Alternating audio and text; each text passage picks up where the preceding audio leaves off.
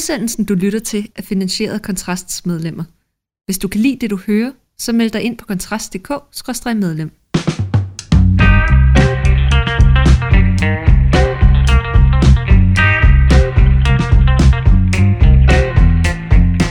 Så er det nok en gang blevet fyraften med kontrast, og vi er kommet godt og vel, uh, måske lige knap en uge ind i valgkampen nu. Ikke? Uh, den blev udskrevet sidste onsdag, og nu skriver vi så tirsdag. Og jeg må jo indrømme, Astrid, som er dig, der er med mig i studiet i dag. Jeg hedder Mikkel Andersen, og, øh, og du er jo så journalist, Astrid Johanne Høgh. Jeg synes, det, jeg synes ikke, det ser så godt ud for Blå Blok, hvis jeg skal være helt ærlig. Nej, jeg er heller ikke imponeret. Øh, så øh, vi var jo flere, der blev overrasket, da vi kunne læse, at Blå Blok pludselig skulle holde pressemøde. Fordi så forestiller man sig, at nu kommer der et eller andet stort. Så sad vi to jo glade foran skærmen, og nu, nu kommer den samlede vision. Og det blev så, ja, lidt en flad fornemmelse for os begge to, kan jeg vist godt afsløre. Ja, altså fordi det, det jeg tænker jo sådan, det er, når man, altså vi, vi gik jo sådan glade og blå ind i den her valgkamp og tænkte, mm. alle troede, at nu var Mettes tusindårs rige, det var ligesom indvarslet, de røde skulle sidde, men så, men så kommer det alligevel, de blå rykker fra her i løbet af juni og juli, og det ser ud som om, det kunne måske gå godt, men så i løbet af de første par målinger efter valgkampen er udskrevet, hvor Mette Frederiksen hun annoncerer den her meget berømte regering hen over midten, så går det jo hverken værre eller bedre, end at Mette Frederiksen hurtigt rykker fra. Det samme gør Rød Blok, og tendensen er ret entydigt positiv for, for, for, for Rød Blok lige nu i målingerne. Det må vi jo konstatere for dem, der er med i Kontrast Ekokammer, som er vores lille medlemsgruppe. Og det er jo så et implicit lille hint til dig, der ikke er medlem af Kontrast til at blive det, fordi så kan du også sidde og følge med. Der poster jeg sådan med, med relativt hyppige mellemrum øh, af sådan meningsmålinger fra forskellige institutter, og ser lidt nærmere på dem, og man må sige, det, det ser ikke særlig godt ud for Blå Blok. Så, så når man tænker, nu, liner, nu har de de store udtræk op, mm. seks, hvad det hedder, øh, blå øh, partiformænd, der stiller sig op samlet, og, og der må jeg jo så sige, at det, det jeg jo kom væk fra med så, som den sådan umiddelbart største nyhed, det skal siges, vi har ikke set alle spørgsmål og svarene, efter vi optager nærmest mens pressemødet stadig er i gang, men, men jeg sad jo lidt og tænkte, den største nyhed, som, som jeg så, der blev fremlagt, det var, at Inger Støjberg var faldet over sin hund, lød vi, og, og derfor går på krykker nu, ikke? Ja, præcis. Jeg tænkte bare, altså, hvad hun ikke gør for at stjæle opmærksomheden. Men, øh, nej, men det, jeg kan så forstå, at det var en, en hundeulykker, og de er altså også gode til at gå i vejen, de der kræ, så, øh, så jeg føler med hende, og god bedring til hende. Men øhm, det, der er problematisk, og vi skal nok komme ind på, på de her ting, de trods alt nævnte, men øhm, jeg synes, det er værd at sige om det her valg, at der er noget mærkeligt ved det. Fordi vi ved, vi ved ikke præcis, hvad vi går til valg om. Altså, det er jo ikke blevet udskrevet omkring en eller anden politisk uenighed. Det er blevet udskrevet på grund af en, en procesting, at de radikale har væltet regeringen med tre måneders varsel. Og derfor var Mette Frederiksen virkelig st- stærk, da hun startede med at gå ud og sige, at det er tryghedsvalg. Så har hun ligesom fået framet det, ikke? Så det, det skulle så være det borgerlige modsvar. Hvad handler valget så om for dem? Og det kan vi så forstå, det er flere, flere frivalg. Kort sagt, ikke? Det er kortere ventetid på fertilitetsbehandling.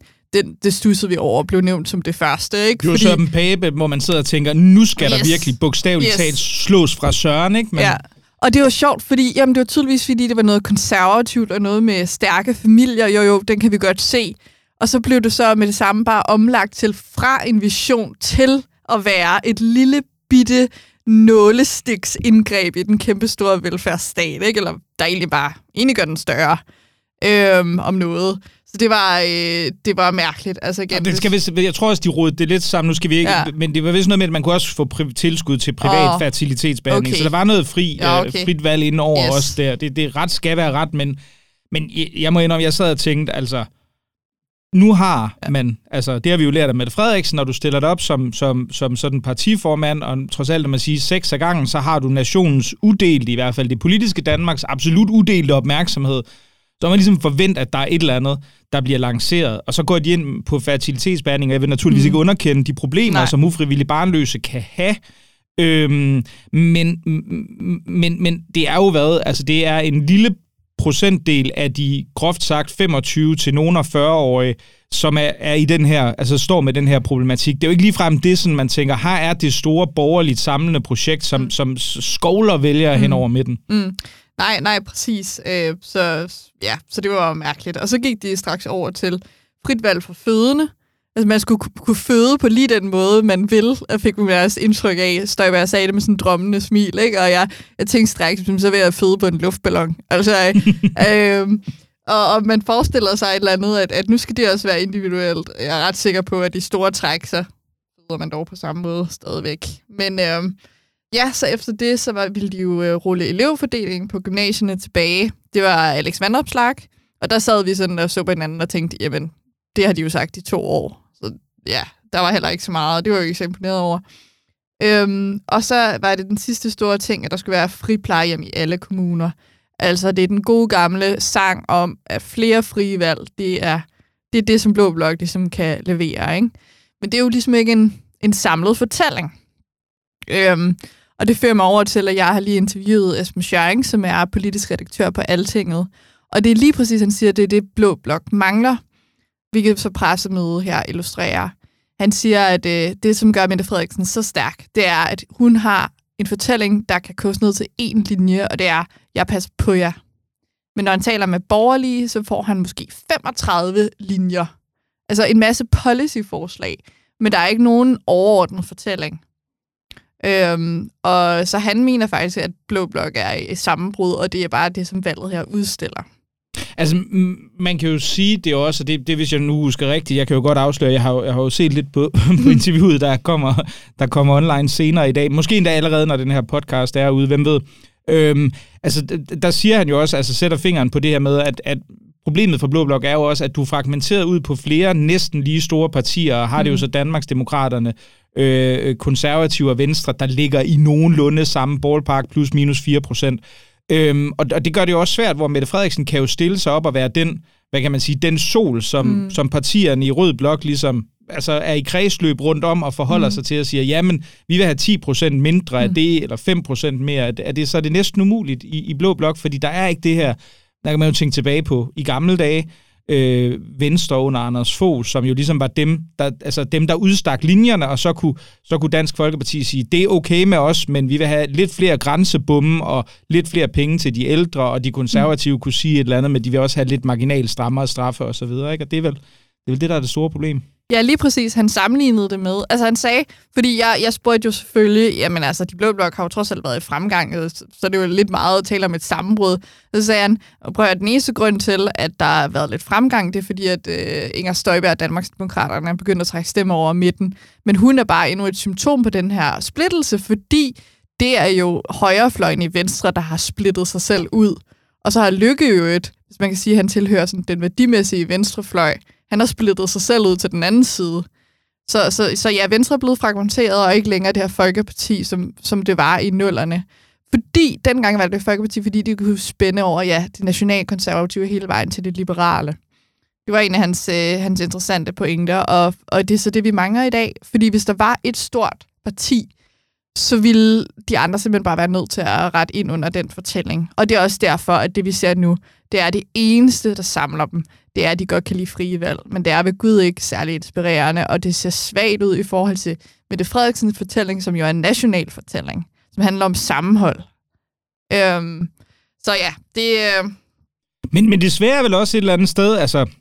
Jeg så og tænkte, det må jo have været nogle horrible sådan formøder, de har haft til den her pressekonference, hvor de har siddet og sådan sagt, øh, Paper har sagt, jeg vil med topskatten, og så har, har Støjberg og Morten Messersmith været sådan, ah, måske ikke, okay, og så har mm. Venstre spillet ud, men vi vil have mere udenlandsk mm. arbejdskraft, mm. og så har, øh, øh, hvad det hedder, Morten Messersmith også, ah, måske ikke, og så videre. Altså, så man kan sige, det er jo, det er jo svært at se konturen af, hvad der egentlig er det realistiske øh, sådan projekt, men, men man må godt nok sige, hvis det her sådan ligesom er, er det bedst mulige, så, så, så synes jeg, det ser, det ser lidt svært ud, ikke? Fordi altså valgkampe handler jo i høj grad om momentum, og, mm. og det er ligesom om, at Mette Frederiksen har, altså hun har altså, man kan sige, trods minksager og alt det andet bøvl, så, så er der altså i hvert fald, hvis man skal bedømme ud fra meningsmålingerne og sådan noget, så, så er der altså noget momentum over i Rød Blok, mm. og det er, en, det er godt nok en let kommunikerbar mm. fortælling, hun har, der også flugter meget godt med, hvad hun ligesom har gjort de sidste mm. år, ikke? Jeg har mm. passet på jer, ikke? Mm. Jeg er den store den store statsleder, der har øh, håndteret de store internationale kriser, og jeg kan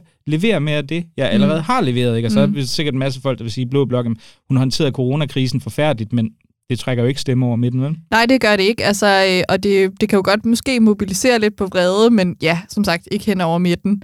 Øhm, og jeg synes også, at øh, noget af det, som, som var en af Esben Schørings gode pointer, det er, at, der er, at han synes, at højrefløjen i dag minder om venstrefløjen i nullerne. Fordi det var der, hvor et højrefløjen løb med alle boldene, altså når det kom til udlændingepolitik. Og venstrefløjen vidste ikke selv, hvad de skulle stille op. De, vil, altså, I stedet for at sætte sig ned og så blive enige om, okay, hvad skal vi så? Hvad er vores bud på at løse integrationsudfordringerne og fremtidens problemer med det her? Jamen, så blev de fokuseret på Anders Fogh og gjorde ham til sådan en djævleskikkelse, der, øh, var den onde fyrste, der trak i alle trådene, og det blev helt konspiratorisk. Og han siger, at det er jo fuldstændig sådan der i dag, at Blå Blok de er så fokuseret på Mette Frederiksens person. Og så kunne de måske have brugt tiden bedre ved at sætte sig ned og tænke nogle store tanker. Og han, han pegede på noget åbenlyst, som at jamen måske var det en forkert ligesom at antyde, at hun nærmest havde villet slå alle de der mink ihjel. Altså måske i stedet for at anklage for at være inkompetent. Altså det kunne have været en mere farbar vej at gå. Det er en af de ting, der ikke kom med i artiklen, men, øh, men øh, jeg synes, det, den fortjener at blive nævnt. Ikke? Og, og det er jo rigtigt nok, at, det er da et svaghedstegn, at det eneste, som ellers har kunne samle dem ud over det her med frivalg, det er jo så, at de ikke kan lide Mette Frederiksen. Ja. Det er spændende at følge. Jeg gætter på, at der kommer et par, et par meningsmålinger ganske, ganske snart, og så kan vi jo se, om, øh, om det har sat sig i aftryk, yeah. det her øh, pressemøde. Jeg, jeg, jeg, er lidt, jeg er lidt i tvivl. Jeg vil nok, hvis jeg skulle være en betting man, hvad jeg ikke er, så vil jeg nok sætte penge på, at det ikke er det, der kommer til ligesom at flytte særlig mange stemmer hen over midten umiddelbart. Og så har jeg også sådan ligesom et af, et af de emner, som, som jeg synes er ret interessante, det er, at vi, vi står i gang med øh, en, en, en valgkamp, som alle jo hele tiden understreger, at foregår i krisetider. Vi har krig i Europa, vi har en økonomi, der ser mere dyster ud end på noget tidspunkt siden 2008, vel under finanskrisen, og som har en del tegn på at kunne gå hen og blive markant værre endda. Og i sidste ende kommer det hele jo ned til krigen i Ukraine. Men er der et emner, som egentlig ikke rigtig fylder i valgkampen, så, så er det vel egentlig krigen i Ukraine. Og jeg ved ikke, altså jeg er sådan lidt, øh, altså fordi man kan sige, det er ligesom om det, det er blevet lukket, når man har lavet det her for mig at se, hvis jeg skal være helt ærlig og sådan normativ, det her horrible forsvarsforlig, der siger, at vi smider i 2033, mm. hvis jeg husker rigtigt, eller hvert fald omkring 2030, kommer vi op på 2% af, af BNP som vores bidrag til, til, til forsvarsudgifterne, som vi har lovet NATO for mange, mange herrens år siden, men aldrig nogensinde lavet op til. Men altså, jeg, jeg synes jo, det er vildt at se, at, og det, det understreger vel den gamle truisme, at udenrigspolitik er grundlæggende set irrelevant i valgkampe. Ja, fordi jeg tror, altså, jeg synes, at det er blevet nævnt. Altså, det er blevet nævnt, at nu skal vi fremrykke investeringerne, og ja, er det ikke også blevet nævnt, altså på både højre og venstrefløjen, altså både fra Socialdemokratiet og fra borgerlige, eller er, er, ja, jeg mener, at det er blevet nævnt, altså i lyset af krigen i Ukraine, men du har ret i, at det ikke er et, et valgkampsspørgsmål. Nej, altså de lavede jo det her store, øh, meget angiveligt ambitiøse forlig tidligere, tidligt mm. i krigen, for nogle ja. måneder siden, hvor, hvor Mette Frederiksen fik, fik de, en stor del af de borgerlige partier også med. Men derefter, så har det jo sådan set bare mm. været, været lukket, og det er, jo, det er jo egentlig ret vildt. Altså, altså man kan sige, der foregår jo mildest talt vanvittige ting i Ukraine lige nu, ikke? Men jeg tror også, det er fordi, altså hvad skulle man sige, jeg tror, at øh, Mette Frederiksens øh, opbakning til Ukraine er jo fuldstændig, den kan man ikke, øh, den har hun virkelig ikke givet anledning til at så tvivl om. Øh, hvilket er mere end, hvad man kan sige om dele af Blå Blok, ikke? Øh, det, det, er jo, det er jo sært, øh, at det er jo dem, som vi forbinder med ja, nationalkonservatisme, der står som den her lidt mere myge stemme, der, der egentlig mener, at man skal gå efter at skabe fred nærmest for enhver pris, og, og det handler om, at Putin skal have lov til at få nogle sejre og sådan noget, og et, og et øh, ja, altså sådan nogle ting som, at øh, krig er noget forfærdeligt noget, så det skulle vi have undgået, ikke? Og det er jo, det er jo sjovt, fordi at det kunne man da nok også have sagt om modstandskæmperne under anden verdenskrig. Altså. Ja, ja, ja, ja. Altså, det var jo, der var, der var mange, altså jeg synes jo, en af de ting, jeg, og det skal jo dog siges, når vi siger blå blok her, så er det vel måske ud over Marie Kraup, som, som har været meget aktiv og er blevet interviewet af Berlinske mange gange og, og øh, omkring, øh, hvordan øh, NATO er bærer omtrent lige så stort ansvar for krigen i Ukraine som, øh, som, som Rusland faktisk. Og så er, det jo, så er de fleste jo sådan uden, uden for det parlamentariske Danmark.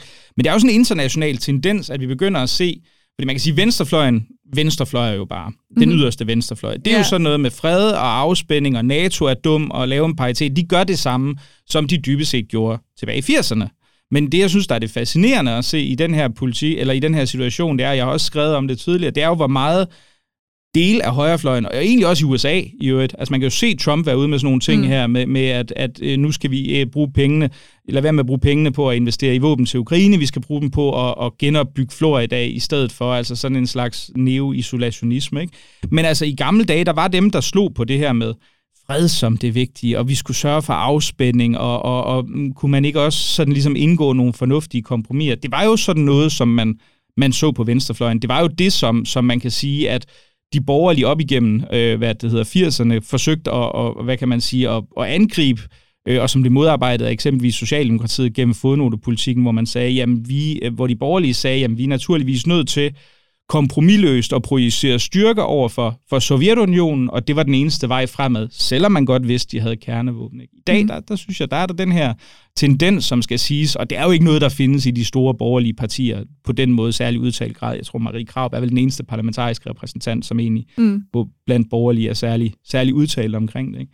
Men, men det findes ikke desto mindre. Men det, som er en del af forklaringen, tror jeg, det er, at der er et segment på højrefløjen, som er øh, meget, meget skeptiske over for autoriteter generelt. Altså, det er det samme, øh, og, nu, og ja, det er de samme, dem som man ser på Facebook, der ligesom øh, stiller de her mærkelige spørgsmål til, hvorfor, øh, hvorfor, øh, hvorfor støtter vi Ukraine, og Ukraine er lige så slemme som, som Rusland og sådan noget. Det er de ting, man citerer, ser.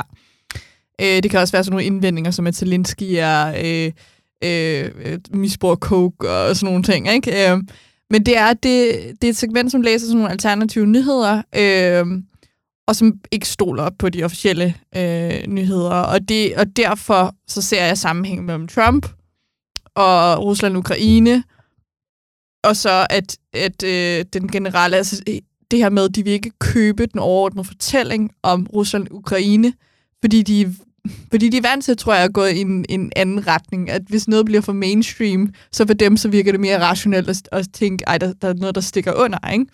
Og jeg kan bare se på min eget Facebook-feed, at de mennesker, som, øh, som mener, at krigen i Ukraine er et eller andet sted en... At, at øh, det store flertal ligger under for propaganda, altså ukrainsk propaganda, jamen det er de samme, som var imod vaccinerne og og det er de samme, som er store, store Trump-tilhængere, ikke? Øhm, så, så ja, jeg tror, det er det, der er forklaringen på, at vi ser det på højrefløjen i dag. Ja, det, det tror jeg, du er ret i, og der er et super fascinerende sammenfald mellem lige præcis sådan noget vaccinmodstand og så, og så, og så det her med, med, med sådan en mere, lad os kalde det, de facto pro-russisk indstilling. Men, men jeg synes også, der, der er noget i det, som jeg godt kan anerkende en, sådan en fli af i mig selv, som jeg også tror motiverer det. Det er, at hvis vi ser på, på Putin, øh, så er det trods alt, øh, hvad kan man sige, altså et, et regime, som slår sig op på nogle traditionelle konservative værdier. Jeg mener grundlæggende mm. set, det, det, det er et mm. kleptokratisk, semi-totalitært regime, der ikke har nogen som helst veneration for, for hvad kan man sige, øh, nogen, noget som helst traditionalisme. Mm. Det er en meget mm. tynd færdig, som en, en mm. gammel FSB-officer har smut ud over det. Men det er jo, man ser den her meget, det her meget kraftige opgør med wokeness mm. og med, med forskellige sådan identitetspolitiske strømninger i Vesten. Ikke? Og der tror, jeg, der tror jeg godt, man nogle gange kan sige for, for, for folk på, på, blandt borgerlige og på højrefløjen i, i Vesteuropa, der kan man godt sidde og tænke, ej, hvor er det fedt. Mm. Hvor er det fedt, der ligesom er nogen, der, der tør tale, tale de her øh, meget, også, og det er jo de unægteligt voldsomme strømninger mm. midt imod, ikke? Og også fordi man, man har jo, synes jeg også rigtigt nok set, at der er nogle, hvad kan vi sige, nogle udtalte problemer med altså institutioner som EU. Mm. Der er nogle mm. centralistiske og, og nogle, hvad kan man sige, venstreorienterede strømninger i det. Og så ender du i det her paradoks, mm. hvor man sidder og tænker, jamen, Putin kan jo ikke lide de her institutioner, mm. så måske har han på en eller anden måde ret. Jeg synes også lidt, det er det samme, man ser i forhold til, til, til Viktor Orbán, som for mig at se, altså, jeg vil jo på ingen måde underkende, at han gjorde det fuldstændig rigtigt i forbindelse med flygtningekrisen i 2015, øh, altså absolut, som polakkerne også har gjort. Det er jo stadigvæk også, når man sådan kigger på det, det er jo sådan et, skal vi kalde det, halvkorrupt mellemkrigstidsagtigt regime, som han er i gang med at få skabt sig dernede. Ikke? Og der er der jo sådan en, en, en, en understrøm blandt nogle borgerlige i, i Vesten, hvor man sidder og tænker, ah, det er sgu meget fedt. Mm. Det alligevel, fordi, fordi det er da trods alt noget andet. Ikke? Der er en, der går ind og siger, ja. jeg gider ikke have wokeness på mine universiteter, så screw you guys. Men det, der så igen spiller ind her i forhold til det med wokeness, altså det kan vi alle sammen blive, det er, vi jo, det er jo en af de ting, der forener os. Vi, vi fleste rationelle borgerlige mennesker synes jo, at det er noget forfærdeligt pjat. Men de nationalkonservative, de vil sige, at wokeness det er sådan en udslag af liberalisme.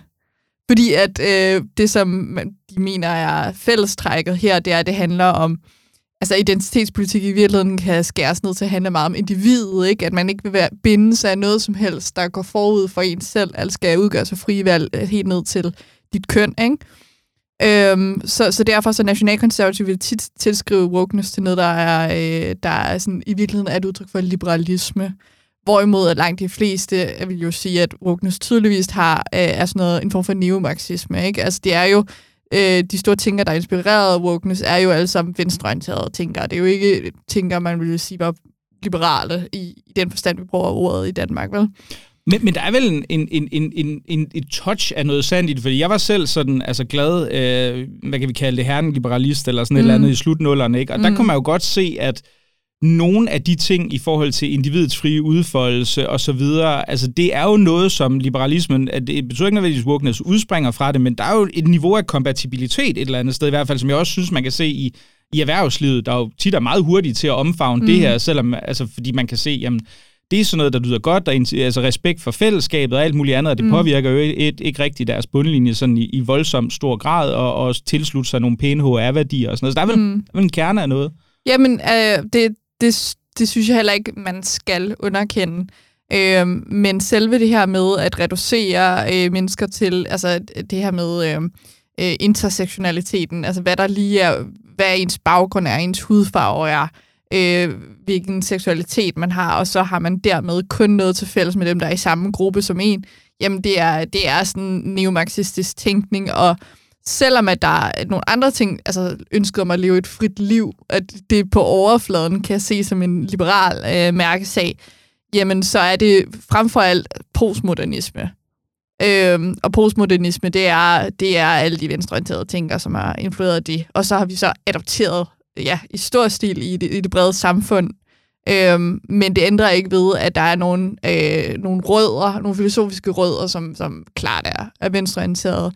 Og og selvom at, at altså, jeg sig, altså, selvom at det er en diskussion, der er værd her, og den er sådan set interessant nok, så vil jeg også sige, hvis man ser bort fra det, så er det da mærkeligt, at vi har en højrefløj nu, hvor den yder, altså ikke den yderste, men den nationalkonservative højrefløj, det er som om, de bruger flere kræfter, og har gjort det i mange år nu, på at bekrige liberale, end på at bekrige øh, venstrefløjen.